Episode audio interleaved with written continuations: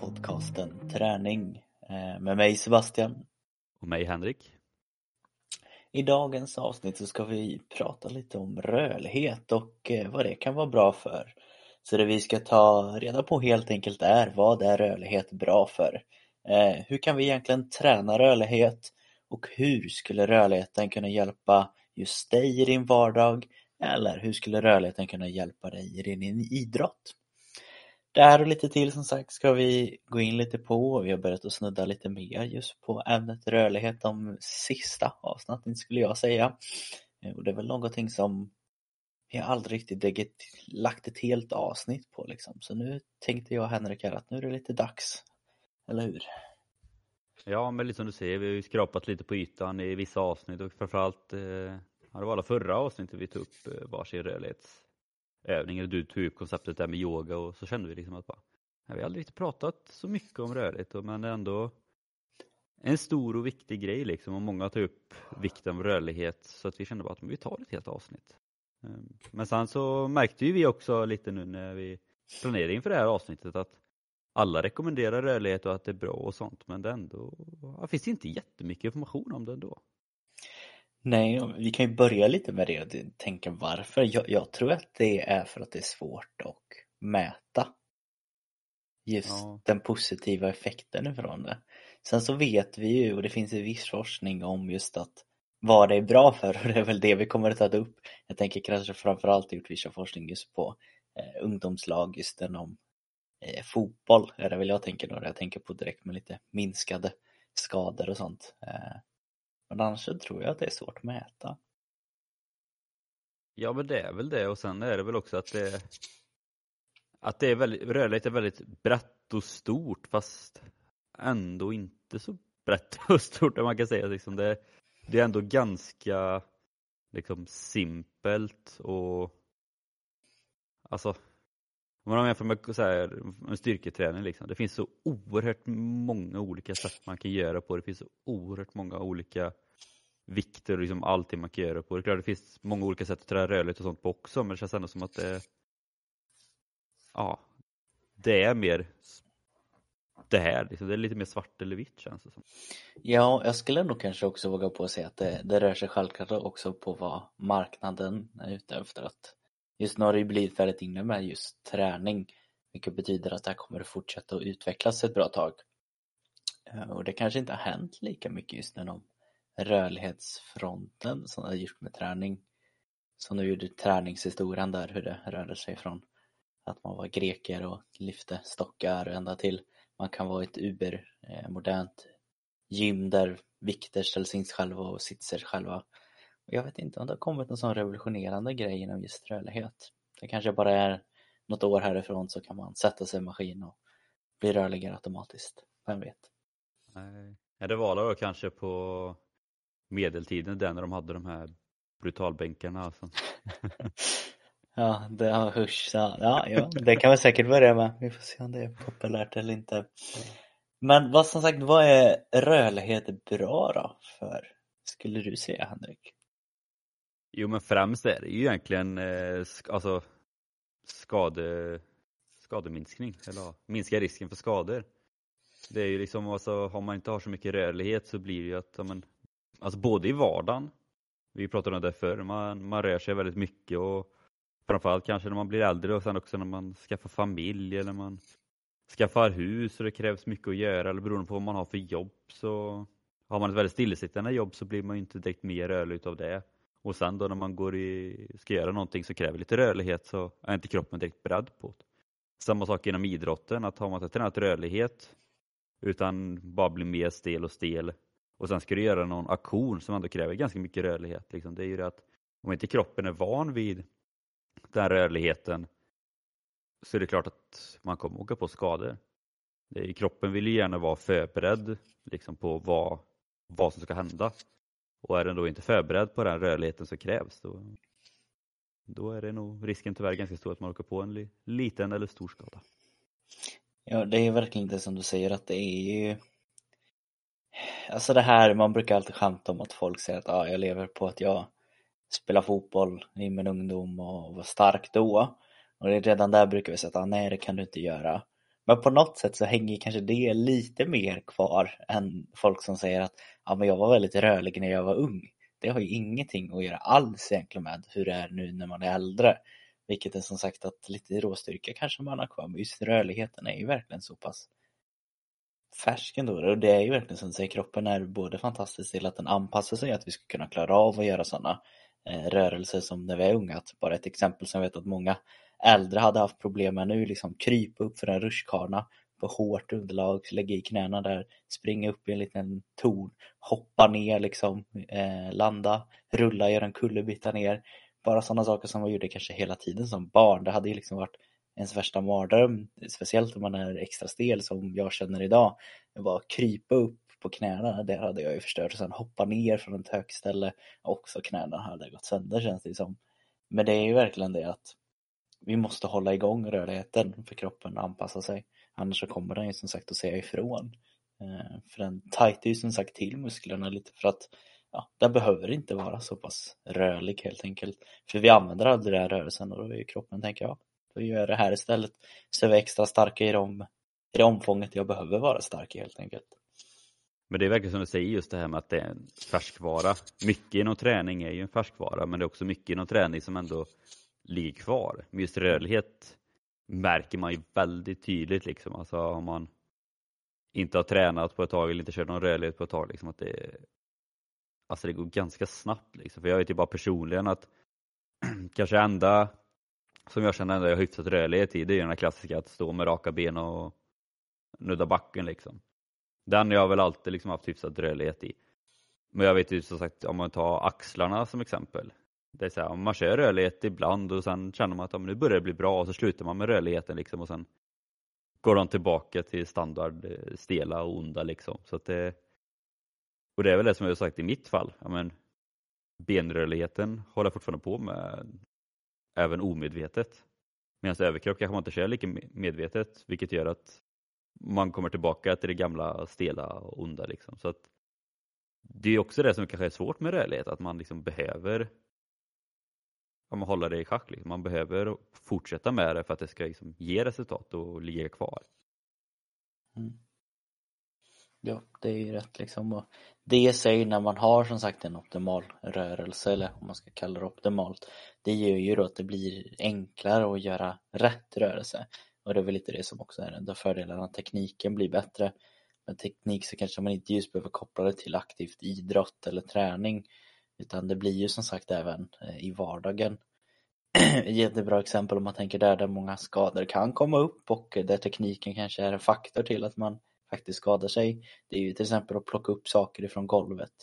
Eh, hade man haft en sagt rörligheten och kunnat fälla bra höften och använda sina baksida lår och rumpa och lyfta upp saker från marken då hade inte det varit något problem att lyfta upp den där matkassen eller ungen som ligger på golvet och inte vill gå upp eller vem vet vad liksom. Men nu när vi har blivit stela och som sagt jobbar på det sättet vi gör och vi inte riktigt är så starka som vi behöver vara tillsammans med rörlighet, då blir det ju istället att vi tar ut rörligheten ur ryggen och där är vi inte riktigt lika vana samma belastning vilket gör att vi skadar oss. Och det är ju en teknikrörelse helt enkelt, att vi har tappat tekniken och till exempel kunna sätta oss på huk eller fälla i höften ordentligt. Jag brukar gilla det, du brukar säga det de gånger tidigare vi pratade lite om rörlighet och sånt, så du brukar ju alltid jämföra lite med asiatiska länder till exempel. Mm. Där man ofta sitter på huk eller man sitter liksom nere på golvet och käkar på ett lågt bord. Liksom. De klarar ju av den rörelsen för de gör det varje dag. Mm. Som sagt, de håller igång det hela tiden så det är inget konstigt för dem. Medan för oss som inte gör det varje dag så blir det liksom en ja, lite mer onaturlig rörelse kanske för vissa. Ja, och det är det också som tror många som tänker just på den kulturen med mot östländerna där att sitta på huk, de bara, men det känns ju varför sitter vi inte på en stol som vi är gjorda för att göra, brukar många tänka. Men det är inte det vi är, utan det är det som är lite läskigt, att våran grundposition, eller man ska säga, för att kunna vila och återhämta oss är ju sittandes i huk. Det är liksom, om man tittar på ett barn, när de sitter och kanske har börjat att lära sig att stå upp lite, hitta balansen och sen hittar de en rolig leksak och sen så är de helt fokuserade på den där leksaken. Då kan det ju bli ofta så att de bara sitter i just den djup eh, huksiktande och bara är helt fokuserade på den där leksaken för att ja, det där kroppen har hittat en balans så, så borde det egentligen vara för oss vuxna också men tyvärr så har vi inte haft kvar den tekniken och klarar av detta längre. Ja, men det är verkligen konstigt. Jag vet ju bara själv, sagt, om man Ta en fotbollsträning till exempel, då kanske man har man kanske har stått och gått lite innan och sen så man, är man på fotbollsträning i en och en halv timme. Då är det så bara att ja, men under spelet till slut känner man bara, det blir jobbigt att stå upp liksom. Och så sätter man sig på huk och som sagt, jag vet inte varför, på ett sätt känns inte det som att det borde vara en vilande position. Det känns som en konstig position att vila i liksom. Det känns som att den ändå kräver ganska mycket. Men, men det är jäkligt gött när man har stått upp länge och bara sätter sig på huk. Ja, och det är som sagt för dig och mig är det ju utmanande för att vi, vi har tappat bort detta liksom. Men frågar man lilla Kalle på ett år då, då är det där han sätter sig och vilar som sagt. Mm. Eh, men det här är, hör ju också ihop med att när man har rörligheten och tekniken då kan man ju göra sådana rörelser som liksom minskar belastningen på eh, vår kropp helt enkelt. Och det är ju det som många vill egentligen göra. Att kan man göra samma rörelse med mindre belastning då är det energismart och ja, det är det vi ska tänka på egentligen allting vi gör i vardagen ju. Jo men det blir ju så. Ju mer man kan spara energi desto bättre är det liksom. Ja. Men om vi går vidare, eller hade du något mer du vill tillägga? Nej, jag tänkte ju bara att det är som sagt att kroppen är egentligen gjord för att göra det. Men vi har också använt kroppen, alltså hjärnan och fixa maskiner för att egentligen få samma sak. Som till exempel eh, en stol eller en maskin för att lyfta upp en tung sten. Så. Men eh, när man inte har de redskapen med sig så, så kan det vara bra att låta kroppen göra det det är utformat för att göra. Göra det så optimalt som möjligt helt enkelt. Ja. Men då om vi går vidare lite då på nästa punkt som vi har är lite, vi, det är också ett, vi har pratat om det tidigare i ett avsnitt, just det här med screening, men det är egentligen just det här, hur ska man veta då om man behöver träna rörlighet eller vilken rörlighet man ska behöva träna? Det kan ju vara svårt att veta, vissa kanske anser att de har bra rörlighet fast i själva verket att de inte har det. Samma sak tvärtom, vissa kanske bara, jag är så stel och sen så är de typ överrörliga istället. Liksom. Så, hur ska man göra för att veta hur rörlig man är eller om man behöver träna rörlighet? En bra tanke som du har satt och diskuterat mycket om just med den här kanske lite mer enkelheten med rörlighet. Och det, det, är det första man kan ställa sig. Det är, vad är det idag som jag vill göra som jag inte klarar av att göra? Bara där kan man då enkelt se att är det någon rörelse inte du är klar för att få ont i knän, axlar eller liknande, då är det det du behöver träna på. Eh, jag vet att jag har en av mina favoritreklamer just om man tänker emot eh, träningssyfte. Jag tror inte ens det är en träningsreklam. Men det är någon som brukar komma upp lite vid jul. Då är det en gammal morfar som står i vardagsrummet och lyfter en katterbell från golvet. Och sen sträcker ut den och håller den framför sig. Och sen gör han det här redan i, jag tror det är typ så här, oktober.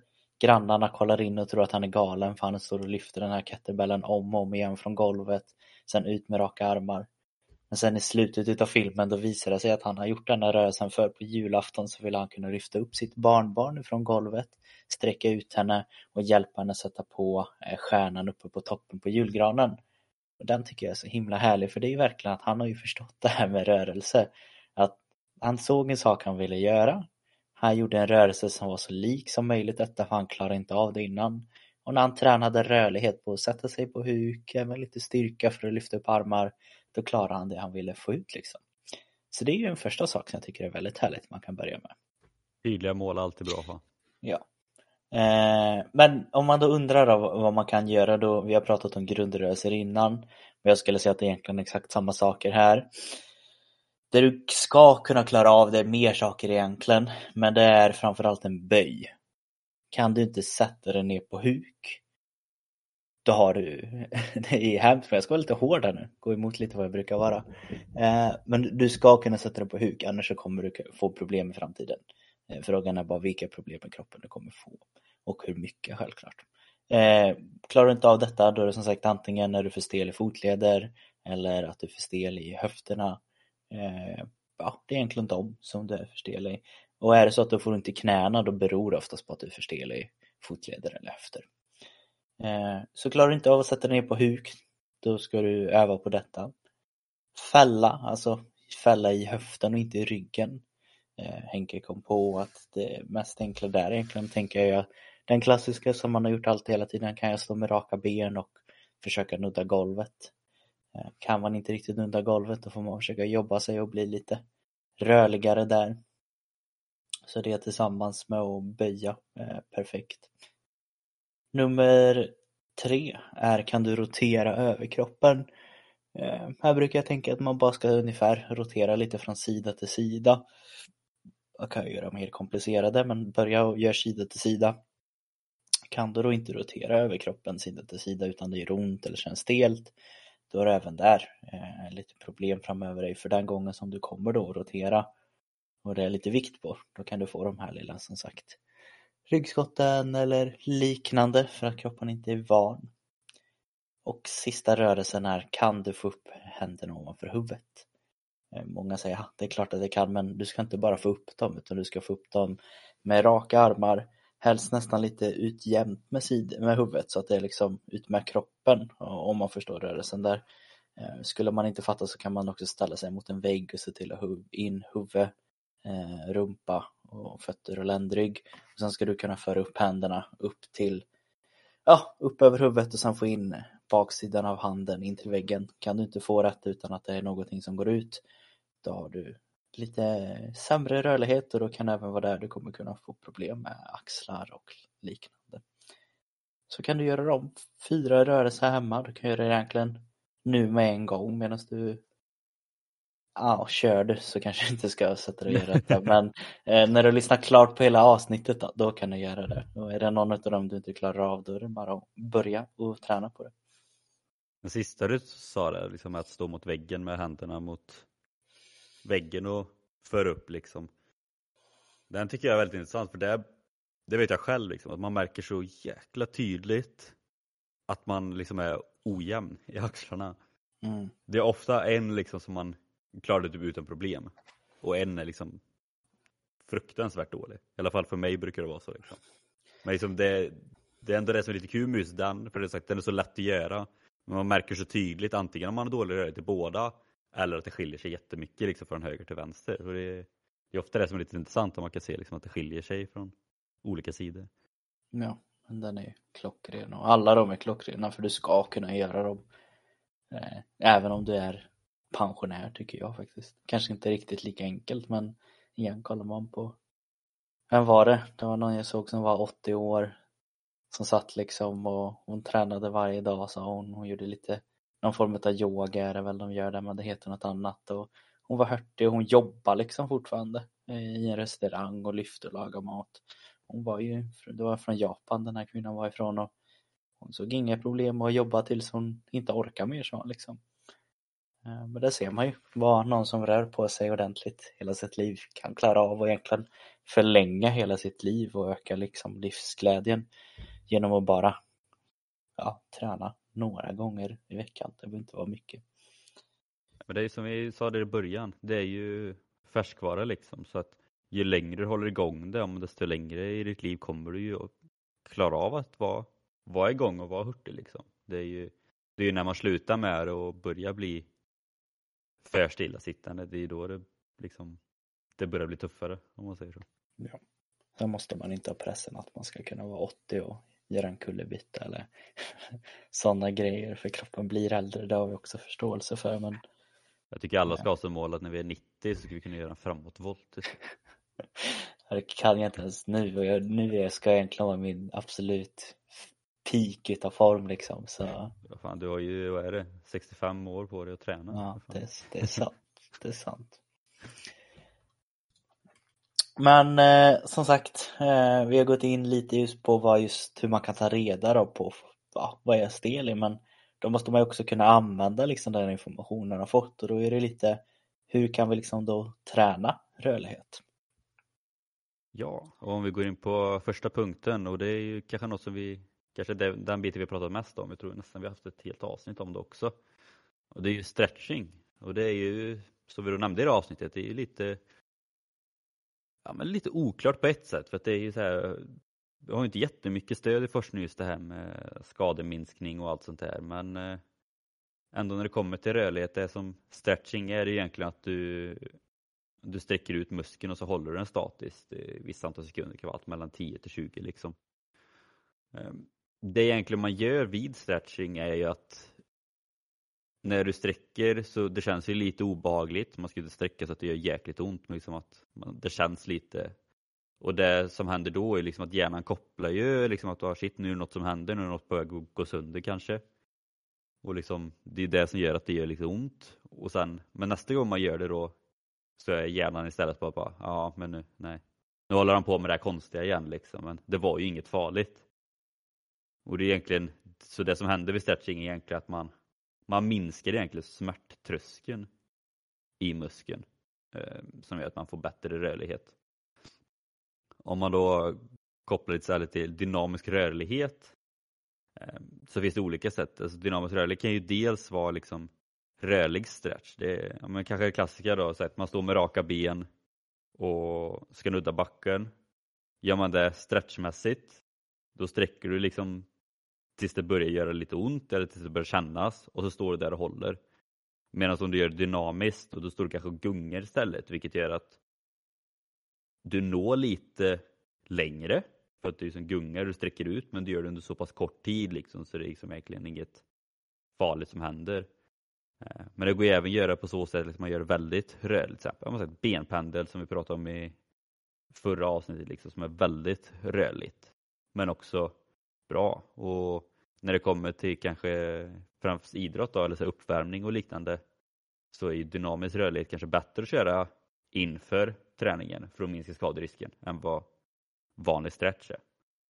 Men sen vet jag också att det är vissa forskare som har sagt mycket så här liksom att också som vi pratar mycket om i våra avsnitt liksom att funkar det för dig även om det bara är placebo liksom så kör på. Det är viktigt att bara hitta vad som funkar för en och vad som känns mest rätt egentligen. Mm.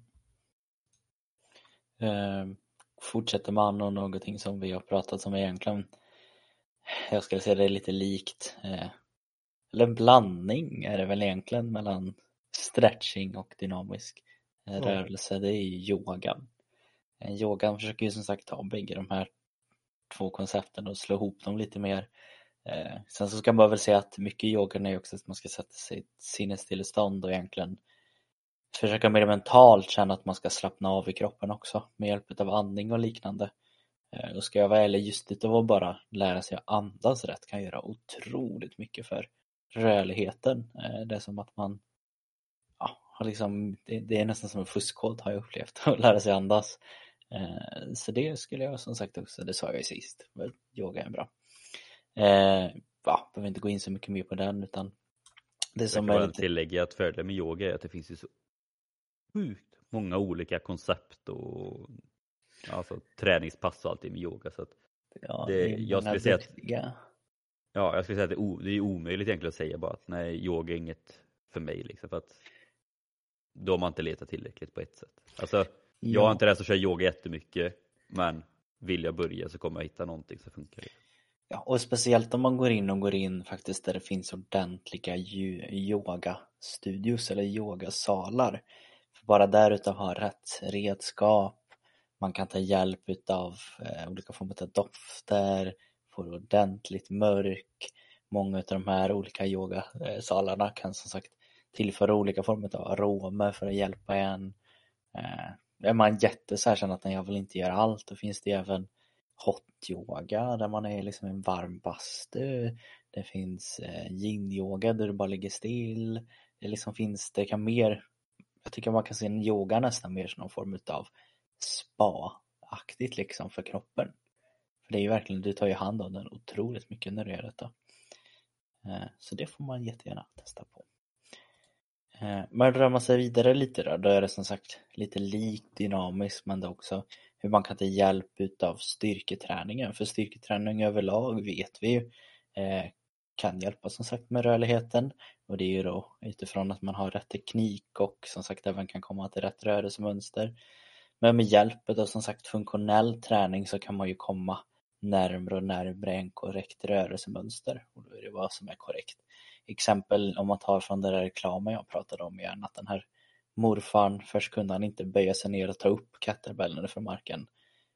Men sen så övade han och sen så helt plötsligt fick han upp den och så började han böja sig upp och ner med kettlebellen och sen så började han lyfta upp kettlebellen över huvudet lite så kan man tänka som sagt med funktionell träning och att eh, och utifrån syfte, vill du kunna klara av att jobba mycket i trädgården och det är mycket liksom bära saker eller lyfta i rotation eller pressa grejer.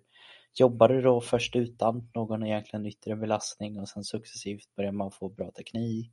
Sen börjar man efter ett tag lägga på lite vikter och sen så kan man då klara av att göra det man vill i vardagen. Är det som sagt jobba i trädgården eller känna att man kan hjälpa farsan med att skotta snö eller leka med barnbarn, då klarar man av det galant sen.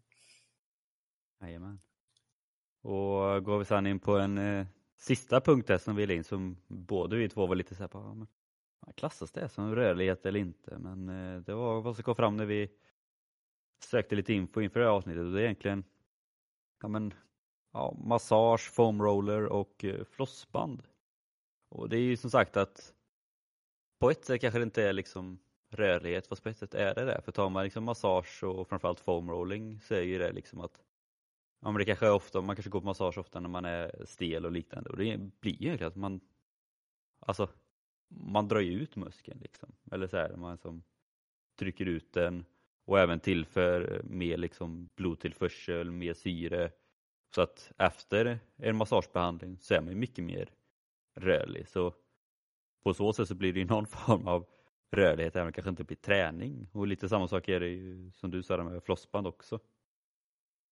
Mm, ja, det är ju samma där att målet med egentligen alla de här tre grejen är ju som sagt och det man känner av den positiva effekten. Inte bara just att få ut, eh, man får dopamin va. Så nu kommer jag inte ihåg, men alla de här hormonerna man får, det är dels mår man ju bra utav det. Eh, men det är också att du får ett ökat blodtillflöde till just det stället som man bearbetar. Eh, förklarar man det enkelt så är det samma sak, att kroppen känner oj, vad händer här? Den ja, se till att det kan funktionellt fungera liksom på den platsen man arbetar med. Eh, och det kommer in mer blod och blir lite bättre blod för att detta bort det här som man kan ibland kalla slaggprodukter. Eh, och det, det här gör ju då att för stunden så får man ju en ökad rörlighet i det området man har jobbat med. Och det, det gör alla de tre, eh, vilket gör att för stunden så kan man göra till exempel en dynamisk rörelse lite enklare och för stunden då kan man då få lite mer effekt utav den dynamiska rörelsen eller funktionella och slår man ihop egentligen det här då blir det som sagt ett väldigt bra resultat eh, för då kan du ju pressa dig mer i som sagt rörelserna på grund av att du har jättebättre förutsättningar. Eh, så jag vi kommer fram till att man kan väl kanske se det mer som ett redskap då för att kunna ge sig möjligheten att kunna göra rörlighetsträning. Så det är som en uppvärmning inför rörlighetsträningen kan man kanske kalla det. Ja. Men kort och gott kan man egentligen bara säga att det finns väldigt många olika sätt att eh, träna och få med sig förbättrad rörlighet på. Mm, verkligen. Perfekt. Då är vi inne vid sista frågan här som vi ska besvara då, och då är det som sagt att nu har vi fått lite information om vad är rörlighet bra för och hur kan man ta reda på om man är stel och hur kan man då träna det? Och nu ska man som sagt få en liten avslut här att men vad är det då faktiskt som ja, vad får jag ut utav detta? Är det verkligen ens värt att jag börjar träna rörlighet? Och det är det både för oss i vardagen men även inom din idrott helt enkelt. Jag skulle ja. säga att eh, det, det, det kommer mycket bra saker utav det men vi ska kanske fokusera på några mer lite extra tänker jag Henrik. Ja, om man börjar då till exempel i i din idrott. Det beror ju helt på vad, vilken idrott du håller på med. Håller du på med kanske typ gymnastik eller konståkning, ja men då kanske du behöver bra rörlighet för att ens kunna göra volter och piruetter och allt vad det gör liksom. Men ett, eh, en grej som jag själv eh, diskuterade med mina målvakter förra veckan i fotboll handlar väldigt mycket om rörlighet och det är ju nu för tiden så ska man ju helst slå utsparkar målvakterna då, när de sparkar ut bollen. Eh, mer snett, eh, liksom ut med foten. Förut så var det liksom att man bara gjorde en vanlig benpendel bakåt och framåt.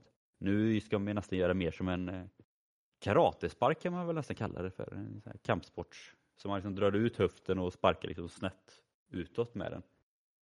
Och då diskuterar vi liksom det att ja, men det är ett Dels är det mycket teknik men det kräver också väldigt mycket rörlighet för att där vill man gärna få liksom rätt vinkel på benet för att kunna träffa bollen i optimal vinkel för att liksom kunna få en optimal båge på den för att kunna sparka så långt som möjligt. Liksom. Men, och då vet jag min målvakt sa liksom, det var att, ja, han har ju inte liksom, han kommer inte upp dit för att få, han vill ju träffa den högre upp än vad han gör. Liksom. Ja, men då, det är egentligen det är bara rörlighet som gör att han kan få upp benet i den vinkeln som han vill. Och liksom då, tränar han då rörlighet så han får upp benet, så kan han få bättre teknik och därmed sparka bollen längre.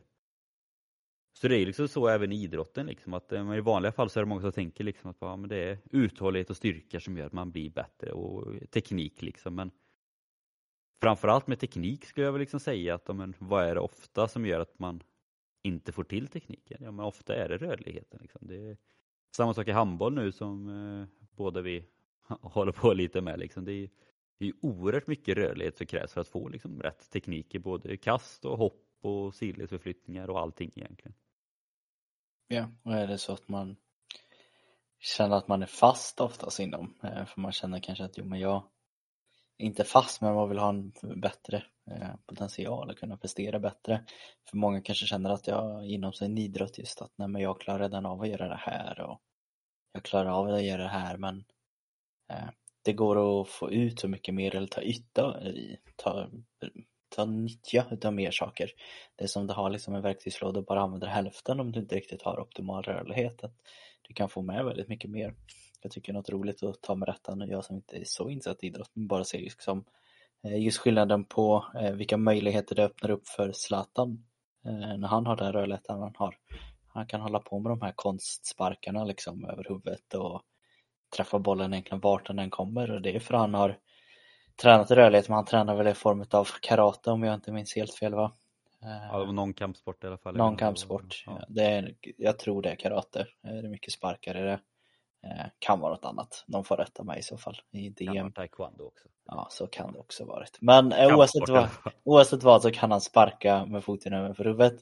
Eh, och det är som sagt många som säger, men varför kan jag inte bara nicka då kanske? Kan jag tänka mig, jo det kanske du kan, men det kan också vara skillnaden från att det är, i alla fall på, där tycker jag, att ta med sig bollen överallt så är han väl en av de bästa skulle jag nästan säga i luften. Det är som sagt på grund av att han har tränat detta. Tänk även vilken möjlighet du kan få både i att sätta dig i bättre situationer inom din idrott, eh, förbättra golfslaget för att ha bättre sving, få ut mer kraft i varje frånstöt när du, åker hockey, när du är på isen med hockeyn, kunna känna att man kan trycka från enklare i varje löpsteg när du hoppar häck, eh, kunna vika dig på rätt sätt när du kör höjdhopp, svinga. Ja, det, det, jag kan ju prata hur länge som helst men allt det här hör ihop med rörlighet. Eh, så känner du att du vill ha lite fördelar mot alla andra som man eh, tävlar mot i idrotten, eh, som man helt enkelt gör också med idrott. Så kan det vara rörlighet som är det som gör att du kan komma upp till toppen helt enkelt. Jag gjorde lite kort fakta-check på Han har tydligen svart bälte i taekwondo. Eh, taekwondo. Och han sa även i en intervju liksom att, för de pratar om just det här med de här akrobatiska och kung fu-målen och allting. Han sa det att jag tränade taekwondo under många år, men jag vet inte om det kan kopplas till det liksom. Men jag känner att jag kan göra akrobatiska rör rörelser och det har varit läge där jag kände att jag inte hade någon chans att skjuta mot mål på ett vanligt sätt. Och det var enda sättet att få det mot mål liksom. Så att, eh, ja, liksom att, ja, han tränade taekwondo, fick med sig de här kung fu-sparkarna och lite ninja-rörelser liksom och ja, han, vilket det innebär då, då får ju han egentligen ett ganska rejält övertag mot alla andra som inte kan göra så. Mm. Så det är det man kan göra. Men om man tänker att det inte är att man ska hålla på med idrott Henrik, vad, vad kan man verkligen få ut av det här då? Alltså vi har egentligen tagit upp mycket av det, både tidigare avsnitt men även idag. Men som sagt återigen, den reklamen du pratar om är ju ett klockrent exempel på det egentligen. Liksom. Att en morfar som egentligen bara vill hjälpa sitt barnbarn att sätta på stjärnan eller liksom bara lyfta upp dem på julafton. Liksom. Perfekt.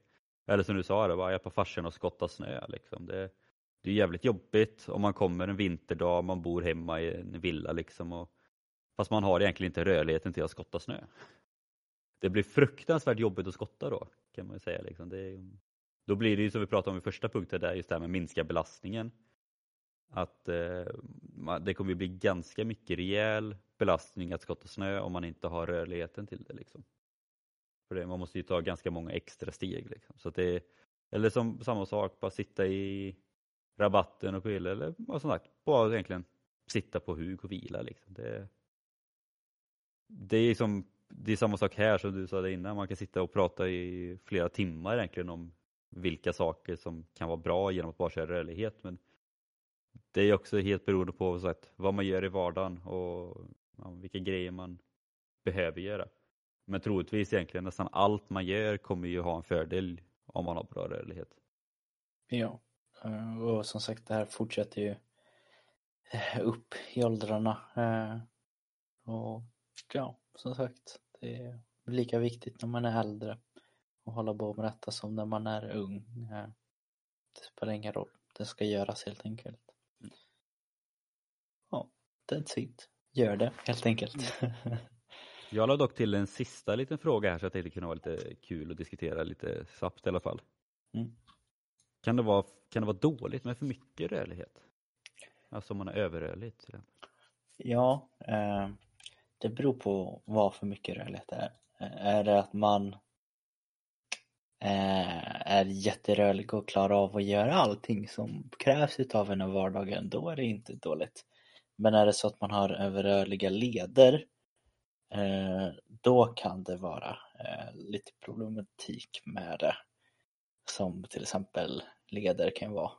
Många kanske kan känna igen sig att de kan skjuta bak knät nästan för långt. Att man kan översträcka en knäled eller dra en axelled långt eller göra lite konstiga grejer. Och, eller armbågsled är också ganska vanligt. Och, det som är lite farligt med det här är att man, man kommer för långt. Det är egentligen nu är inte jag riktigt bra, men jag skulle säga att du, du översträcker ju ett ledband vilket gör att man kan skada sig ifall man hamnar i det läget. Eh, så då kan det ju vara dåligt. Det är väl kanske framförallt vanligt, alltså inte vanligt men om man tänker i vanliga livet så kanske man inte känner av det på samma sätt medan i idrott framförallt är kontaktsporter liksom som handboll, fotboll, hockey och liknande så här, skulle man vara väldigt rörlig i lederna som Sebastian säger liksom, det, då kan det ju vara att man inte har man kanske inte har så mycket att sätta emot heller. Liksom. Att lite stelhet gör ju liksom ändå att kroppen känner att amen, här tar det stopp. Medan om man är för rörlig så blir det istället att eh, ja, det finns inget stopp så att det bara fortsätter och det, det blir inte bra. Nej. Tar man ifrån ett bra exempel på mig jag hade överrörliga eh, armbågsleder, stod i mål, fick mycket skott. Eh, skottet kommer, gör att min underarm slängs bakåt, den översträcker armbågsleden om och om, om igen vilket till slut gjorde att jag hade för ont, jag kunde inte stå i mål, jag var tvungen att skaffa skydd Eh, för att inte översträcka. Eh, men det hade kunnat göra som sagt då bara bygga upp just den böjningen i armbågsleden, att jag bygger upp den extra stark. I det här fallet är det bicepsmuskeln på armen så hade jag tränat bicepsarna mer, då hade jag haft mer enklare att kunna bromsa emot just rörelsen. Och så kan man tänka med alla leder också att är det så att man har överrörliga leder så gäller det att kunna stärka upp den muskeln som ser till att bromsa just eh, den översträckningen. Fick vi ett konkret eh, historia om det också, det är perfekt. Perfekt.